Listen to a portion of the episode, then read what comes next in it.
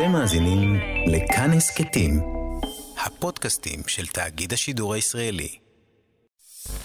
אתן מאזינות ואתם מאזינים לכאן הסכתים, הפודקאסטים של תאגיד השידור הישראלי.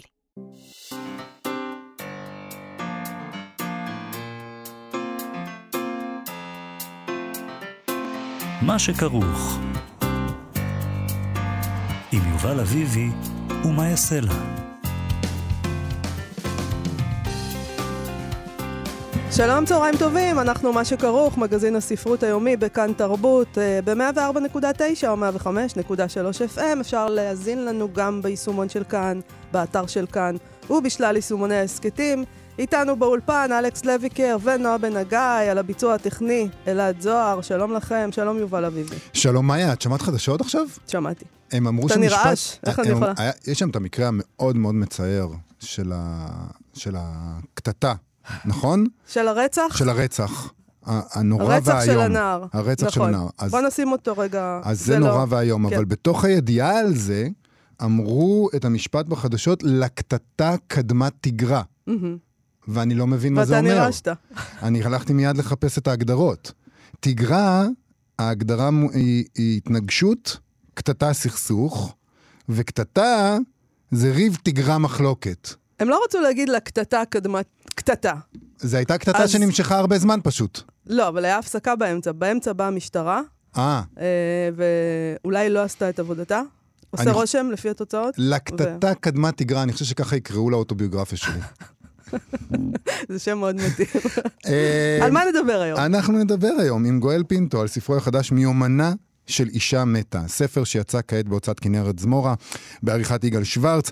גואל פינטו הוא קולגה שלנו, הוא מגיש התוכנית גם כן תרבות כאן בתחנה, אבל היום אנחנו מדברים עם גואל פינטו הסופר, שקשב, שכתב על אישה אחת, יהודיה צרפתייה ממוצא אלג'יראי, מומו. אישה שמתה, אבל חוזרת לשיבה של עצמה, והייתי אומר אפילו, אולי החליטה למות. כי ממש היא, זה נראה כאילו יודעת מתי זה עומד לקרות, אולי אפילו באמת מגדירה לעצמה מתי זה עומד לקרות. אולי אנחנו יודעים מתי זה עומד לקרות. אני לא בלי יודע. מתי זה הולך לקרות. לא, אתה לא יודע עדיין. 30 שנה קודם. אבל זה יכול אבל לקרות אתה, גם אולי יש מחר. רגע כזה, אבל יכול להיות שיש רגע כזה שעוד לא קרה לך, ואני מקווה שעד 120, יובל, אולי. אנחנו פחות, נשאל את גואל פינטו. עוד מעט. תראי, מה שמעניין בקשר לאישה הזאת, היא שהיא נשארת שם, היא רואה ואינה נראית, היא מסתכלת על הילדים שלה שיושבים שבעה, היא עושה חשבון נפש על חייה שלה, על החיים של הילדים שלה, על חיי היהודים, על היחסים בין יהודים לערבים, שם בצרפת, פה בישראל. באלג'יריה. באלג'יר, ו... ו- המשפחה שלה וגם הנישואים שלה עם בן הזוג שלה שנפטר לפניה.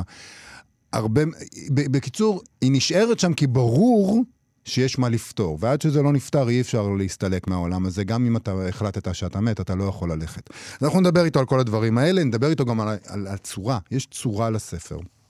אמ, הוא כותב חצי ממנו בצרפתית בעצם, זה, לפעמים אתה, אתה צריך לפתוח מילון, במקרה שלי, כי אני, הוא גם תרגם. לא, לא, לא, אל תגיד, לא צריך לפתוח מילה. אני לא יודעת צרפתית, הבנתי לא, הכל. הבנת הכל? הוא מסביר, כן. כן. נכון, את הרוב, את הרוב מתרגמים. נכון. אבל נדבר איתו על ההחלטה הזאת לכתוב חלק אה, בצרפתית. אנחנו נדבר היום גם עם המתרגם והמו"ל אמיר שפמן, שהוא אה, משורר ומייסד הוצאת פה, הוצאה עצמאית שמוציאה לאור אה, סיפורים בעל פה מתרבויות עתיקות. ונבדוק את העניין הזה, של להדפיס סיפורים בעל פה. ובעצם אולי אין ברירה, כי אם ה... את התרבויות העתיקות צריך לתמלל ולהדפיס את הסיפורים שלהם כדי שלא ייעלמו. אנחנו נשאל אותו איך מתרגמים את זה, ולמה דווקא בזה הוא בחר אה, לעסוק. נכון. אבל אנחנו מתחילים, אנחנו מתחילים עם uh, פרס ספיר והרשימה הקצרה שפורסמה הבוקר uh, של המועמדים לפרס ספיר לספרות לשנת 2022. אז יש חמישה מועמדים, והם אחות לפליאדות של אורית אילן, uh, שיצאה בהוצאת כנרת, uh, סליחה, בהוצאת ידיעות ספרים, כן, נכון? יש כאן טעות, נו. מפעל הפיס, שימו לב. uh, יד... זה הודעה לעיתונות, צריך, זה דבר בסיסי לדעת uh, איפה יצא. ידיעות ספרים.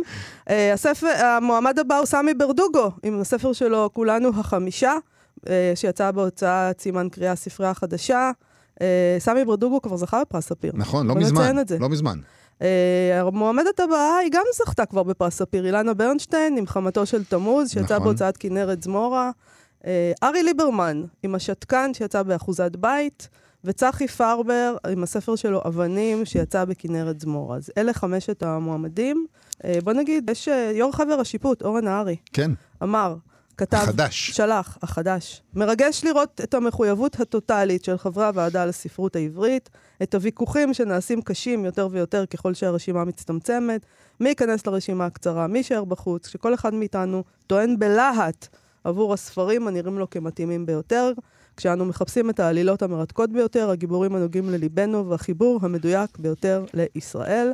תמיד מעניין, יובל, בעניינים האלה, זה מה לא נכנס. נכון. אה, ויש כאן דברים שמפתיע שהם לא נכנסו. המפתיע. מה המפתיע אותך? המפתיע זה הספר האדום של אסף ענברי, שקרה מה שקישון חזה. זוכרת? דיברנו כאן על הרשימה הארוכה של 12 המועמדים, ובעקבות הסטטוס אה, אה, של פרופסור חיים וייס, אה, שתהה עד כמה, עד כמה אסף ענברי, מדוע אסף ענברי ראוי לפרס הזה.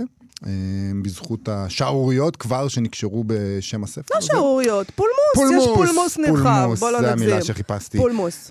קטטה. תגרה, תגרה. התגרה.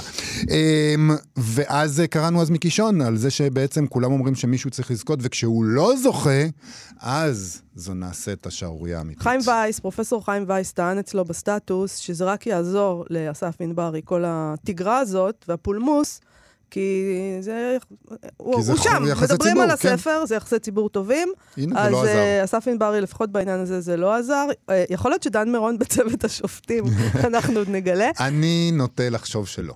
אוקיי, אני מאוד מאוד הופתעתי שעבודות וימים של לילך נתנאל לא נמצא ברשימה. הוא היה ברשימה הארוכה, כן. והוא לא בקצרה. אה, אני חשבתי שהוא יהיה שם. אה, מי וגם עוד חסר לנו? מאוד מאוד הופתעתי שהחמדנים של ירמי פינקוס לא היה שם, ספר נפלא. נכון. אה, ועוד אה, עוד שלא היו שם, המתנדבת של נטלי גבירץ, הספר הלא נכון של נועה ידלין. נועה ידלין זכתה כבר בספיר, מהמם. נגיד. אני חושב שכמעט כל הספרים שלה משתחלים אה, לרשימה, נכון. לא משתחלים, מגיעים בצדק לרשימה הארוכה או הקצרה. עוד ספר שלא נכנס, זה לא קרה של מירב נקר סעדי, שיצא בהוצאת בבל, אה, ואשמתו של פרופסור שיף, של הגור שיף, שיצא באחוזת בית. אלה האנשים שהיו ברשימה הארוכה ולא נכנסו. בשלב הזה אתה הקצרה. רוצה לעשות הימור ראשוני, לפני שאנחנו. הספקנו לעכל ולחשוב וללכת הביתה ולהרהר? בבקשה. אני רוצה, מהמם. אבל אני חושש. למה אתה חושש? קצת משחק, מה יש? תראי, בפעמים הספורות אה, שהימרתי, אה, נאלצתי לאכול את הכובע, כי אני מהמר בכזאת נחרצות, ואני לא לומד. אני מהמר כאילו מה שאני אומר עומד לקרות. ככה צריך להמר. אני מהמר על השתקן של ארי ליברמן. יופי. אני מהמרת, מהמרת על אחות לפליאדות של אורית אילן. חד משמעית. הוצאת ידיעות ספרים, אין, אין, היא זוכה. פשוט. וואו, לא, אמרת, אתה חושש מנחרצות, אז לא. רציתי להדגים לך נחרצות, זה מהי. הדגמת היטב. בסדר. אה, לא אה, לחשוש מנחרצות. בואי נכין שני כובעים ונראה אם יסכימו לבשל לנו אותם. כובעים משוקולד, אין בעיה. טוב, אה, בואו נמשיך לנושא הבא שלנו, שהוא טיק טוק, שאני מאוד מתעמקת בזה בימים האחרונים. חייבים טיקטוק, מאיה. יש, אה, לתוכנית, או... טוב, אני לומדת את הנושא, לא, בוא נגיד. את- את תפורה לטיקטוק. ממש. אה, תשמע, אנחנו דיברנו פה כמה פעמים על העניין הזה של ספרים בטיקטוק, על זה שזה להיט שם, ושזאת פלטפורמה טובה לקידום ספרים, מסתבר. אה, ועל זה שיש ספרים שנהיו רבי מכר בזכות הטיקטוק. והנה, טיקטוק מעוניינת גם להרוויח מהסיפור הזה, לא ייתכן שכולם שם יעשו סיבוב והיא לא. אה, והם החליטו להיכנס לעסקי מכירת הספרים, כך דיווחו אתמול בגרדיאן, טיקטוק הכריזו על שותפות עם המו"ל, עם HarperCollins אה, בריטניה, עם אה, W.H. Smith, עם Bloomsbury ועם bookshop.org. כל אלה ימכרו ספרים דרך טיק טוק אונליין. אה, BookTok זה אחת מהפלטפורמות ברשת החברתית הזאת, אה, זה האשטג בעצם, נכון? זה כן. ההאשטג הפופולרי הזה. מי שרוצה יכול להיכנס לטיק טוק, לכתוב בחיפוש BookTok ולהבין על מה מדובר. אה, יש להאשטג הזה יותר מ-90 מיליארד צפיות עד כה. שמעת? כן. 90 מיליארד. כן. אה, וכתוצאה מזה, טיק טוק החליטו שהם יוצרות, אה, יוצרים את השותפויות האלה כדי שגם הם יוכלו ליהנות מהצלחה. ליהנות זה לעשות רווח. כן, כן, ליהנות זה לעשות, להרוויח. להרוויח. בדיוק. אה, יש להם שותפות עם פסטיבל Hay, Hay Festival, עם Penguin Random House. עכשיו זאת תהיה הפעם הראשונה, יש להם כבר שותפות, אבל עכשיו זאת תהיה הפעם הראשונה שהמשתמשים בטיקטוק יוכלו ממש לקנות ספרים באמצעות אפליקציה. כאילו לא לעשות את המעבר המייאש הזה. לצאת החוצה. בין טיקטוק לאמזון, נגיד. לאפליקציה של אמזון, שזה באמת מאמץ שהגולשים לא יכולים לסבול אותו. מנהל המסחר של טיקטוק אמר לגרדיאן שזה היה מדהים לראות את הקהילה של BookTok חולקת את התשוקה שלה לקריאה ומעצבת מחדש את עולם המו"לות. מדהים.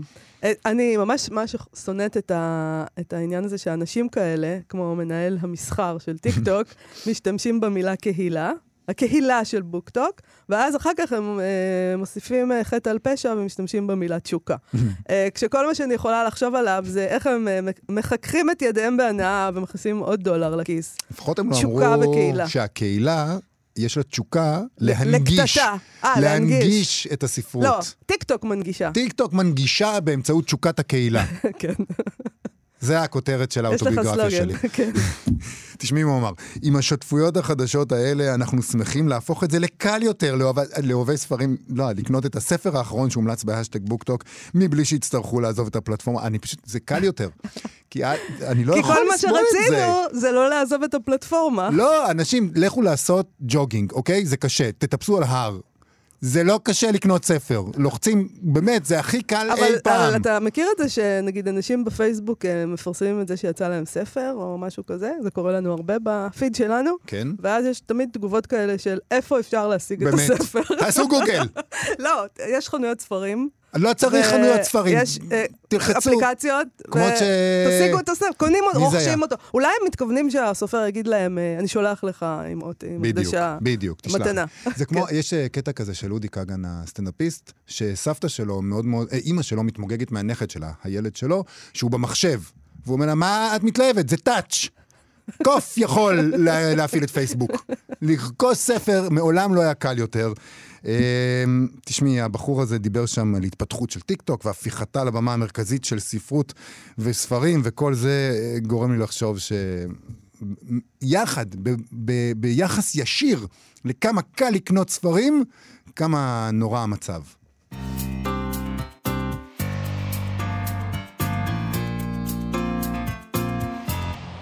יהודיה זקנה וערבייה ילדה יושבות מול יהודיה צרפתייה מזדקנת, יהודיה צעירה שרק רוצה להיעלם, גבר יהודי שכולו רושם, וכולם שותקים. הילדים שלי מולי ואני לא מכירה אותם. כן, אני יודעת, אלה תווי הפנים שלהם. כן, אני יודעת, אלה תנועות הגוף שלהם. כן, אני יודעת. אני יודעת, אלה קווי האופי שלהם. אבל האם אלה הילדים שדמיינתי לעצמי שחלמתי שייוולדו לי? כשאנשים מסתכלים בילדים שלהם, הם לא רואים אותם. הם רואים את ילד החלומות שלהם, לא באמת את הילד שנולד להם. ואני ראיתי טוב מאוד את מי שנולדו. אולי כי אף פעם לא חלמתי.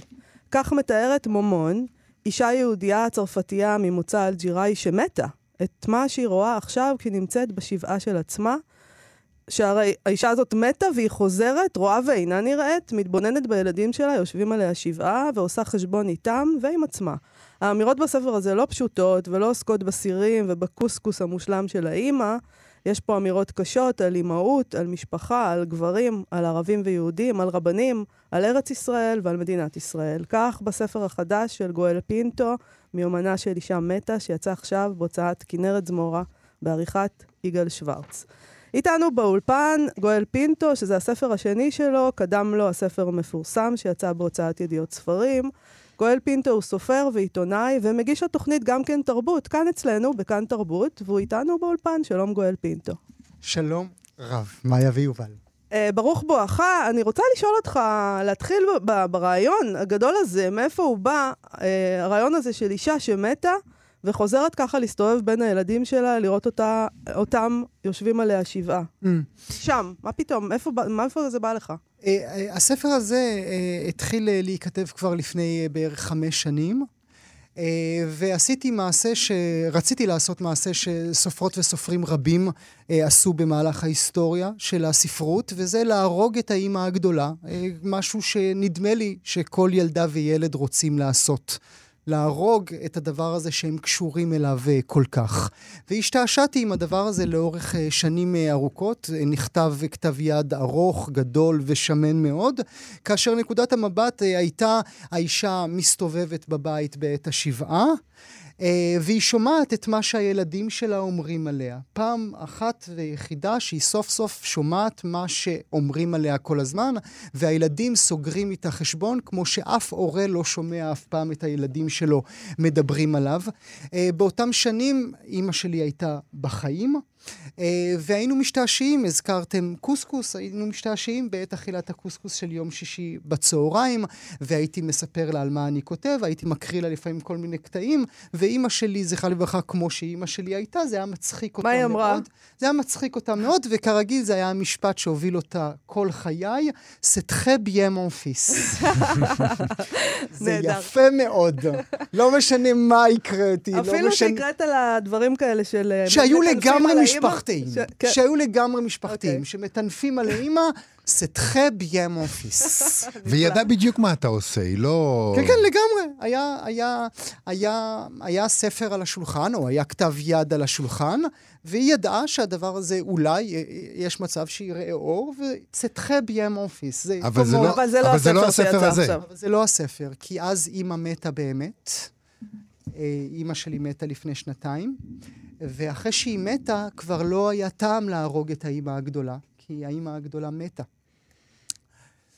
אה, אז היה צריך אה, לכתוב את הכל מחדש, ובאמת נעשתה כתיבה מתחילה עד הסוף.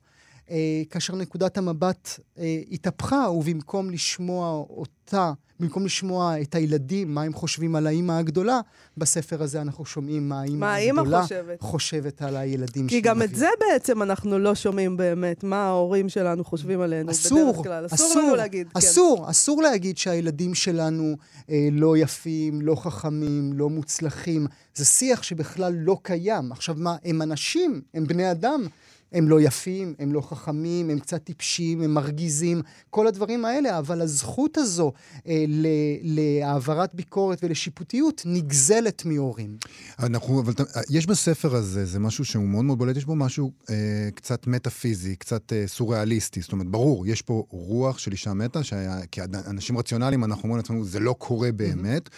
ברור וכשה- שזה קורה. ברור שזה קורה. ברור אז שזה אנחנו קורה. יכולים, אנחנו יכולים להרשות לעצמנו אה, אולי שתי פרשנויות של הדבר הזה. אחת היא באמת, כן, יש פה משהו אה, סוריאליסטי, והשנייה היא שכל הדבר הזה מתרחש בעצם אצל האנשים שנשארו בחיים, שהם מאוד נסערים, הילדים של האישה הזאת, שתי הבנות והבן, אה, בעצם הם אולי מיוצרים את השיח הזה של מומון בינם לבין עצמם. הם אומרים, זה מה שאימא חשבה, זה מה שהיא עשתה. ויש שם, צריך להגיד, אנחנו לא רוצים לעשות ספוילרים, אבל יש שם גם איזה טוויסט, שברור לחלוטין שמשהו מאוד מאוד עקרוני מתגלה לבנות אה, בסופו של דבר, אה, ולכן כל השיח הזה, אולי, אתה מתחיל לשאול את עצמך, מתי כל זה קרה? האם את כל השיח הזה של האימא, אולי...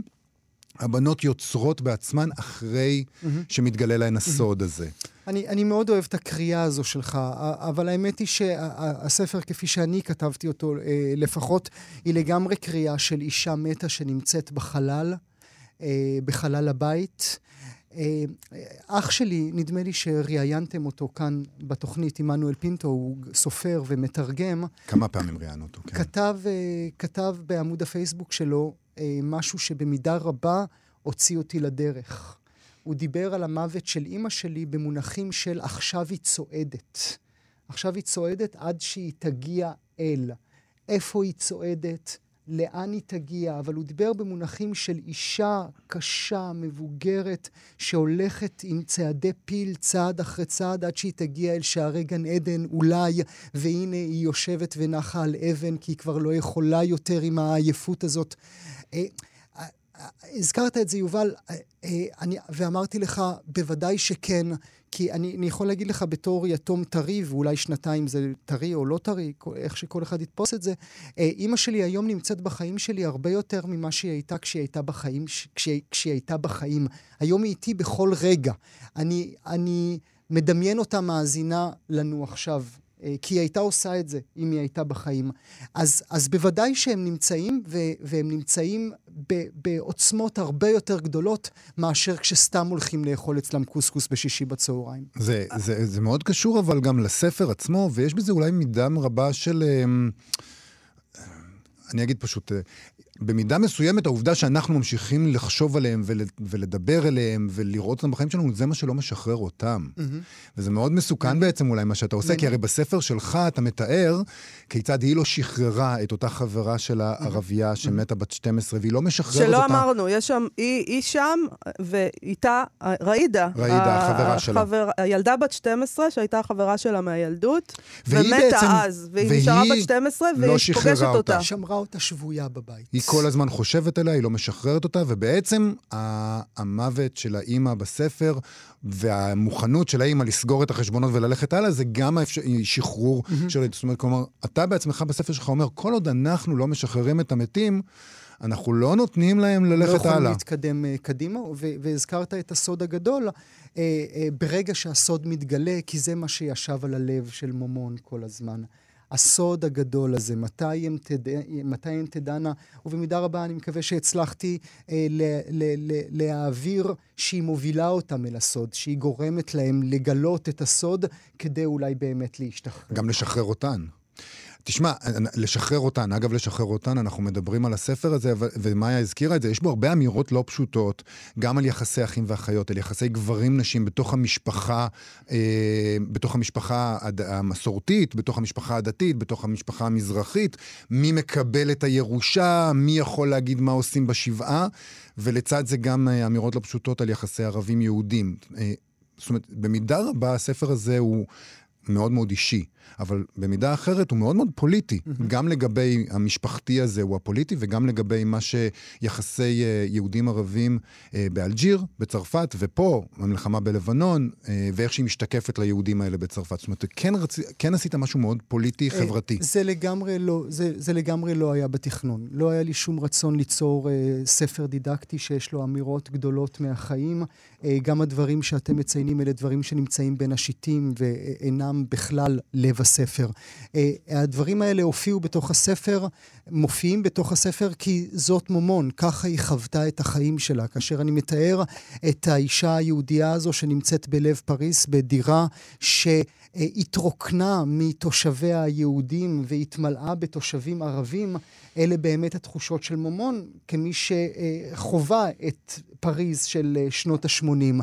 כאשר היא הופכת שבויה במידה מסוימת למאורעות אה, פוליטיים ומלחמתיים שמתרחשים בארץ ישראל, היא מרגישה חובה להיות חלק מהדבר הזה.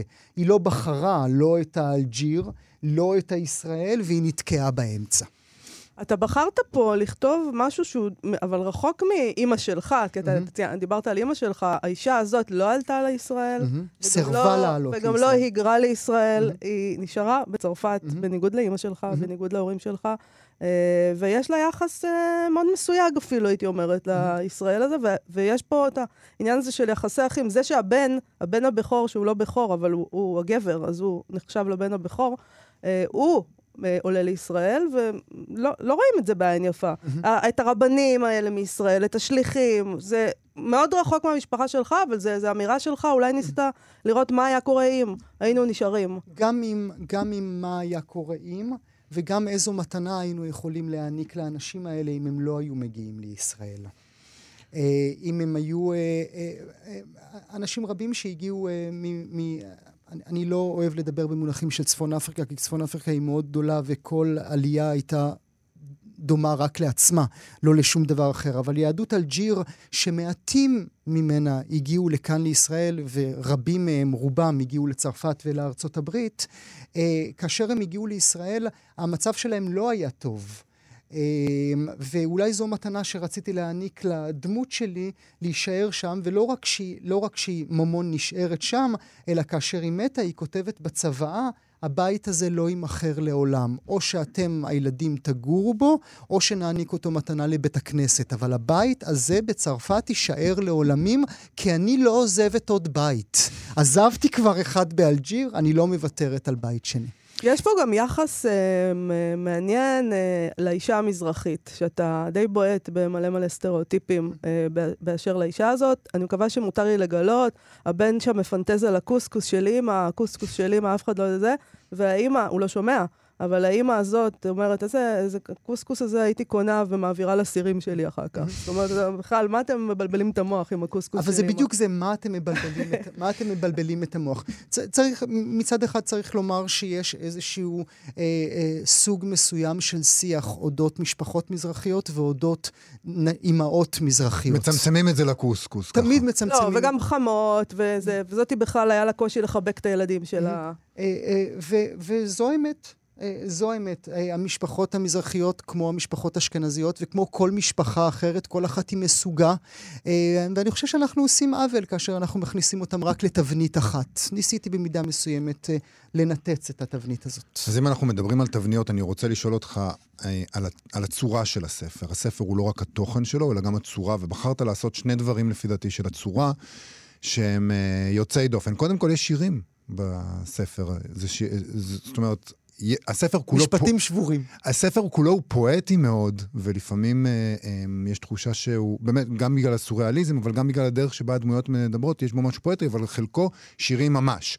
והדבר השני שאתה עושה מבחינת הצורה הוא שאתה כותב את חלקו בצרפתית. הדמויות לא מוותרות על הצרפתית, זה צרפתית שכתובה בעברית. זאת אומרת, לא כתבת את זה אה, ממש אה, באותיות... אה, אה, של צרפתית, ואז בדרך כלל יש גם תרגום לעברית. זאת אומרת, הספר הזה במידה מסוימת, הדיאלוגים, הרבה פעמים נכתבים פעמיים. Mm-hmm. בעצם אתה מכפיל אותם, אתה יוצר גם את תמונת המראה. Mm-hmm. הצורה הזאת יוצרת תמונת מראה, ממש כמו שנגיד האח יוצר תמונת מראה לאחיות. Mm-hmm. אני חושב שבכתיבה שלי, אה, ושוב, הקריאה היא שלכם, לא שלי, אני המכפיל הלאומי. כל הזמן אני מכפיל. אני מכפיל משפטים, אני מכפיל דמויות, אני כל הזמן מכפיל ועושה חזרה. הבכור של בכלל לא היה בכור, אה, וכל הדברים האלה שחוזרים בלי סוף. הצורה הייתה חשובה לי מאוד. אה, כאשר ישבתי וגמרתי אה, לכתוב את הספר, היה לי ברור שאני כותב ספר מאוד רזה, ומאוד מדויק. ידעתי שלא יהיו, ספר, לא יהיו כאן 50 עמודים על הווילון המתנפנף, ועוד 50 עמודים על הקומקום ועל הספה, ואין שם תיאורים של כל דבר אחר. והשירה במידה הזאת עזרה לי לצמצום. לכן הכל היה צריך להיות מאוד מאוד מדויק, וזה מה שמביא את השירה, ואולי אני גם כותב שירה, אני עוד לא יודע. גואל פינטו, מיומנה של אישה מתה יצאה בהוצאת זמורה. אה, תודה רבה לך על השיחה הזאת. כבוד גדול בשבילי. תודה שבאת. תודה רבה. עכשיו, שפה אחת ודברים אחדים. אנחנו מה שכרוך בכאן תרבות, חזרנו אל פינת שפה אחת ודברים אחדים, שזו פינת התרגום שלנו, והיום אנחנו עם אמיר שרפמן, מו"ל הוצאת פה, שהוא גם מתרגם, והוא מוציא ספרים שמכילים סיפורים בעל פה מתרבויות עתיקות. ובעצם כאן בעצם אנחנו מדברים אולי על, על תרגום כפול, גם מהתרגום מהשפה הזרה לעברית, אבל גם משפה מדוברת, מסיפורים שמספרים אותם במשך אה, מאות ואלפי שנים, פתאום מוצאים את דרכם אל הכתב, שזה מעשה בעצם שאולי זר לחלוטין לסיפורים האלה, ואולי הוא משנה אותם, תכף נשאל על כל הדברים האלה. אנחנו נדבר איתו היום על המעברים האלה אה, באמצעות הספר האחרון שהוציאו בהוצאה, אנשי הכוכבים. אה, שזה ספר ראשון שהם מוציאים למבוגרים, כולל סיפורים מהתרבות של שבט הבלקפוט. סיפורים יוצאי דופן, שאם הם, אם הסיפורים, הספרים הראשונים שלהם היו לילדים, הספרים כאן לא תמיד מתאימים לילדים, כוללים יחס למיניות, אה, ואפילו מיניות שהמושא שלה הוא עולם הטבע, ולא העולם האנושי. ואולי גם על זה צריך להגיד משהו, שאולי רק אצלנו המערביים יש את ההפרדה הזאת בין האנושי לטבע, כי פעם בני האדם היו חלק מהטבע לפני שקלקלנו את הכל. שלום על מאיר שפמן. שלום, שלום. אז קודם כל, מדוע בחרת להעלות לכתב סיפורים שבעל פה? זאת אומרת, בעצם אנחנו שואלים את עצמנו, האם זה לא זר לחלוטין לתרבות הזאת? האם זה לא משנה לחלוטין את הסיפורים האלה? אז קודם כל, זה, אני בעצם uh, כבר, uh, הסיפורים שאני קורא אותם, או בעצם uh, uh, נחשף אליהם, אז הם כבר בכתב. עוד מדובר על סיפורים שמישהו אחר כבר כתב אותם. Uh, הייתי שמח כמובן להסתובב במקומות האלה ולשבת עם המדורה ולשמוע סיפורים, אבל זה לא מה שקורה בפועל. בדרך כלל זה כבר סיפורים שעשו את המעבר הזה.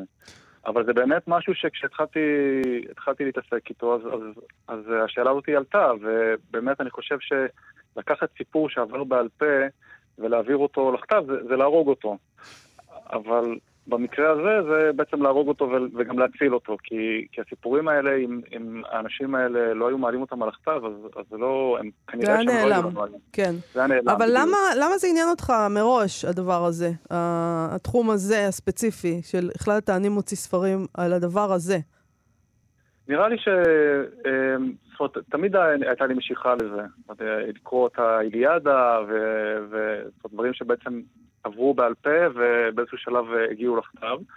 אה, זה קרה כשטיילנו בארצות הברית, עשינו איזשהו מין מסע משפחתי כזה, והסתובבנו שם המון בטבע, וזה היה מאוד מסקרן לחשוב אה, התרבויות שהסתובבו פה, מה, מה הם חשבו ומה הם סיפרו, ונתקלתי בספר כזה, והתחלתי לקרוא, ומשם בעצם הרעיון התגלגל. אה, אז בעצם כל תרבות, אם היא מספיק עתיקה, יש לה סיפורים שעברו בעל פה, גם, גם התרבות שלנו. אבל uh, אני בסופו של דבר מתעניין בעיקר בתרבויות של ציידים וקטים. וכשאתה מתרגם אותם, העובדה, נכון שאתה בעצם מתרגם מתוך ספר, מתוך מישהו, מתוך קובץ שאנתרופולוג או אנתרופולוגים אה, קיבצו ועשו את העבודה הזאת של ההבאה לדפוס, אבל כשאתה מתרגם, ההדהוד הזה מאחור, מאחורה של, של, של העובדה שהסיפור הזה הוא צריך להיות בעל פה, הוא משפיע על עבודת התרגום בעיניך? כי אני, אני, כשאני קורא את הסיפורים האלה, אני מרגיש שכן, אני מרגיש שיש שם משהו... אה, באמת סיפורי, שאפשר היה לשבת מסביב אה, למדורה, סליחה על הקלישאות, מסביב למדורה ולספר את הסיפורים האלה. כן, אני, אני חושב שבסך הכל האנתרופולוגים, או אגב, לפעמים זה לא אנתרופולוגים, לפעמים זה אנשי בני השבט עצמם שכותבים את הסיפורים שלהם. אה, אני חושב שזה... שכן, זאת אומרת, עשו עבודה טובה בסך הכל, אבל אני, אני בוחר גם גרסאות כאלה, זאת אומרת, כל, כל סיפור כזה, בדרך כלל כשאני מתרגם, או בוא נגיד שאני נחשף לסיפורים של תרבות מסוימת, אני דבר ראשון מחפש עוד גרסאות, גם כדי להבין אה, מה עוד יש, וגם כדי להבין כמה זה אותנטי, מה, ש, מה שאני קורא. אז אה, אני גם בוחר כאלה, אבל גם בסופו של דבר באמת עושים עבודה טובה, ואין ספק שזה מעבר שהוא, שמאבדים בו המון. כשעוברים מבעל פה לכתב. ספר לנו אבל... קצת על השבט הזה, על הבלקפוט. מה, מה, מה היה הסיפור שלהם? אז, אז הבלקפוט, דבר ראשון, זה, זה, זה לא שבט, זה ארבעה שבטים. אה, שזה מעניין, זאת אומרת, הם התנהלו בעצם כל אחד בנפרד, אבל כן הייתה להם שפה משותפת ותרבות משותפת. אה, הם אה, נמצאים עד היום בצפון מערב המישורים הגדולים של, של ארה"ב, של, סליחה, של אמריקה, זה גם קנדה וגם ארה"ב על הגבול.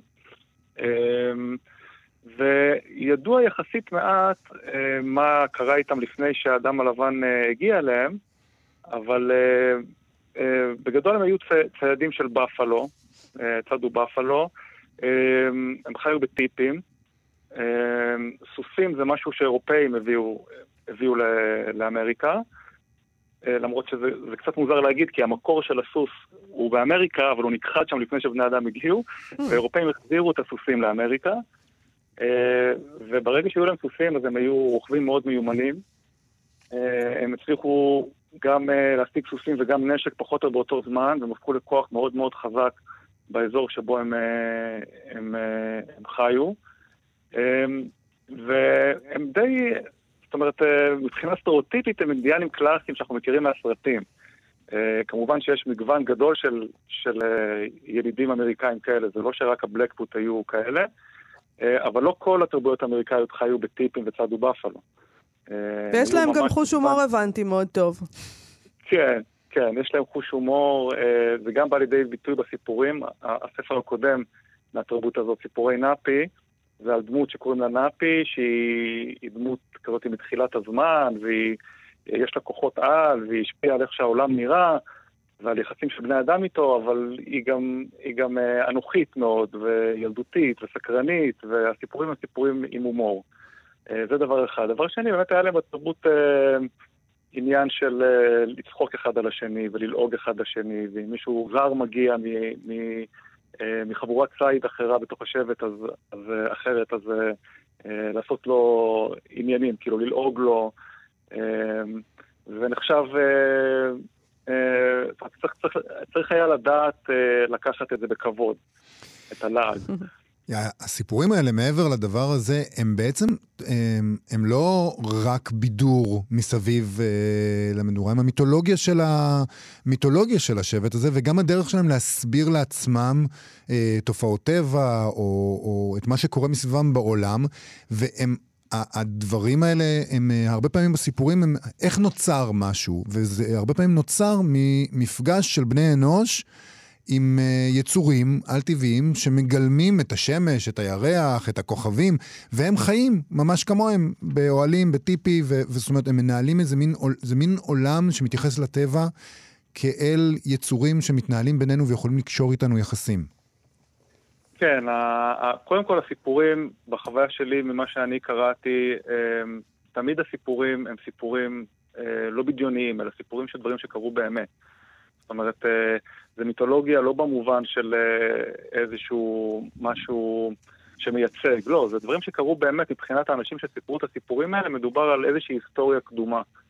אה, ובני הבלקפוט הם היו אמיניסטים, זאת אומרת, הם האמינו שלטבע יש, יש איזשהו, יש לה נשמה, יש, יש לדברים נשמה משל עצמם. אם זה באמת הכוכבים, אם זה בעלי חיים, ולדברים האלה יש כוחות.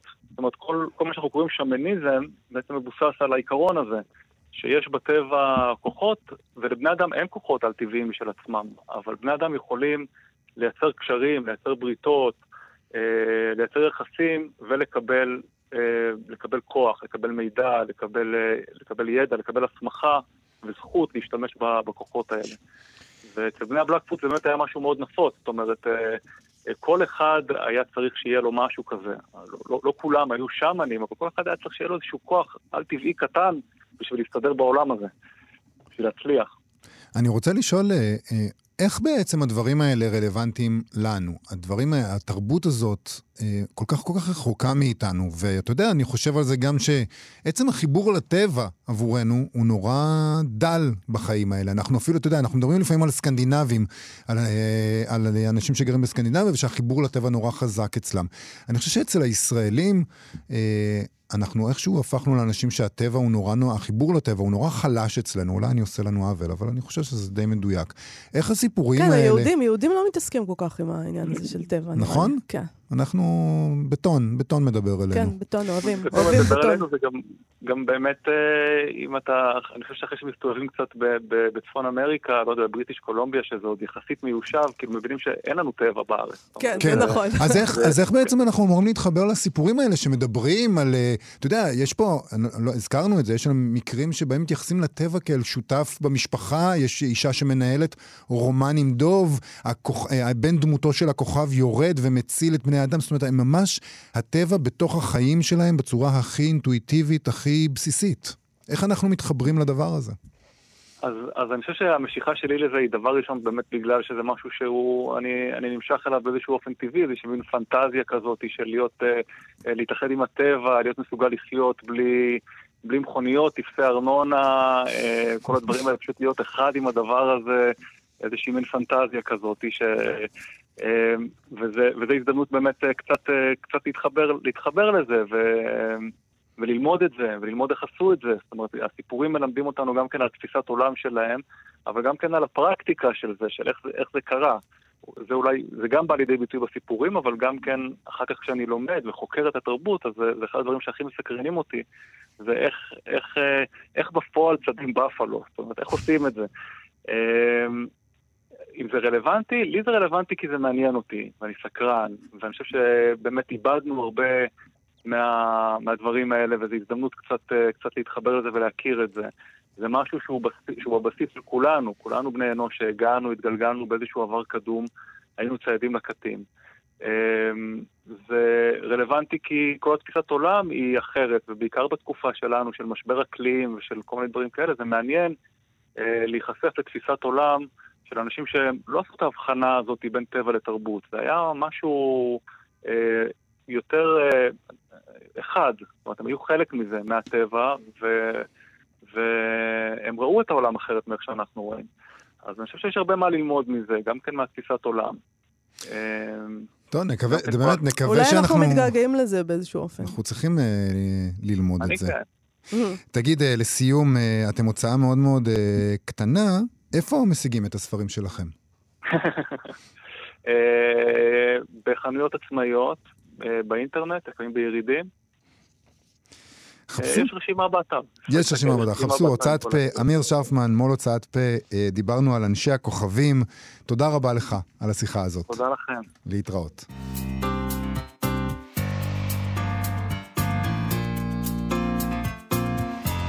אנחנו מה שכרוך בכאן תרבות, חזרנו עם הסטטוס היומי שלנו, והיום סטטוס של בית אריאלה וספריות תל אביב, שהעלו סטטוס, סטטוס, זה מתבלבלת לי הלשון, סטטוס לציון יום השנה למותו של טולסטוי, וככה הם כותבים.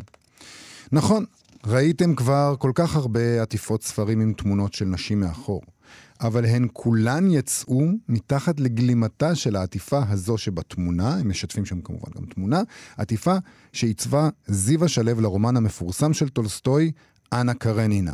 הספר ראה אור בספרייה לעם בשנת 1999 בתרגומה של נילי מירסקי. יש לך אותה בדמיון, את הכריכה הזאת? בוודאי, זה מאוד, בוודאי. מן הסתם מאוד מפורסמת, אה, הכריכה הזאת, וככה מספרת זיווה שלו על עיצוב העטיפה. עיצוב עטיפה לספר אינו אילוסטרציה לתוכנו. לעיצוב יש חשיבות לקשר הראשוני שנוצר בין הספר לקורא, ויש לו משמעות עמוקה לחוויית הקריאה. אפשר כמובן להתייחס לז'אנר, להתאים לקהל היעד, לנסות לקלוע לצייטגייסט, אבל עטיפה טובה היא כזו שבדימוי אחד וברור מצליחה לתפוס את רוח הספר ובו בזמן גם עומדת בפני עצמה כמוצר תרבות. אני אוהבת, ככה היא כותבת, להשאיר בעטיפה קצוות פרומים. משהו שמסקרן להקריא, להרים את הספר מהמדף. משהו שיהיה מובן רק עם סיום הקריאה. זה יפה, זה מאמיץ לאמת, ל, לעשות uh, כריכה שהיא מובנת רק אחרי שאתה גומר uh, לקרוא את הספר. אז איך אני מעצבת עטיפה, היא שואלת? כיוון שאני אוהבת לקרוא אפילו יותר מלעצב, ברור שזה מתחיל בקריאה. השלב הבא, לדבר על רעיון עם הסופר, המתרגם או העורך של הספר. זה שלב שעשוי להיות מאוד לא קל. במקרים בהם הסופר כבר בר מינן, אבל המתרגם או העורך חי ומעורב ורוצה להשפיע. לעתים זה מסתיים במפח נפש של המעצב, או בחריקת שיניים והורדת ידיים. אני יכול לתאר לעצמי. לא כך אבל, היא אומרת, במקרה של אנה קרנינה בתרגומה המופלא של נילי מירסקי, שהעבודה איתה תמיד הייתה חגיגה של תרבות, חוכמה, סיעור מוחות. דיברנו על הספר, היה לי רעיון, רציתי את מה שיסמל את האישה הרוסיה של התקופה. משהו קלאסי עם נשמה. נילי, שאומנות הסעירה אותה לא פחות מספרות, אמרה שיש לה משהו בראש שהיא חייבת למצוא. חיפשנו, נברנו בספרים, בספרים תקופתיים ומצאנו צילום של אישה מאחור משנת 1862 של הצלם הצרפתי-ספרדי אונסיפה אגואדו. אחרי שנים גיליתי כי ממש באותה השנה שבה יצאה אנה קרנינה בהוצאת עם עובד, ראה אור בארצות הברית הרומן In America מאת ההוגה סוזן סונטג עם אותה עטיפה בדיוק. שם נבחרה התמונה של הצלם הזה, אה, אונסיפה אגואדו, על מנת לתאר את קורותיה של מהגרת פולניה באמריקה. סוזן סונטג הואשמה אחר כך בפלגיאט, ככה היא כותבת, כאשר סופרת בשם אלן לי טענה שמצא בספר לפחות 12 קטעים מועתקים מספרה שלה. ובכל זאת, היא כותבת, אני מתקשה להאמין שמי שעיצב את ספרה של סונטג נחשף לספר בארצנו הקטנטנה. לא יודעת, יכול להיות. כולם יהודים הרי בסוף. יכול להיות שהוא כן נחשף, הוא היה פה, הוא בא לכותל. היא בעצם מאשימה אותה, מאשימה את המעצב בפלגיאט אה, שני? לא, לא, לא, היא לא מאשימה. היא אומרת שהיא מתקשה להאמין בדבר כזה, ואתה אומר שהיא מאשימה. יש לך איזה עניין עם הבנת הנקרא, אולי. צריך לחשוב על זה עוד פעם. יכול להיות. תקרא מחדש. צריך לחשוב מחדש על כל הקריירה במידה, יכול להיות, הזה. יכול להיות. היא בדיוק אמרה את ההפך, שכנראה שזה לא מה שקרה. אה, טוב, אנחנו, תלך, לחשוב על זה עכשיו, אני אה, אחשוב. על העניין הזה של הבנת הנקרא. עד כאן תוכניתנו להיום. תודה רבה לאלכס לויקר ונועה בן הגיא. תודה רבה לאלעד זוהר על הביצוע הטכני. בואו לבקר בעמוד הפייסבוק שלנו, אנחנו נהיה פה שוב מחר. להתראות. אתן מאזינות ואתם מאזינים לכאן הסכתים, הפודקאסטים של תאגיד השידור הישראלי. אתם מאזינים לכאן הסכתים, הפודקאסטים של תאגיד השידור הישראלי.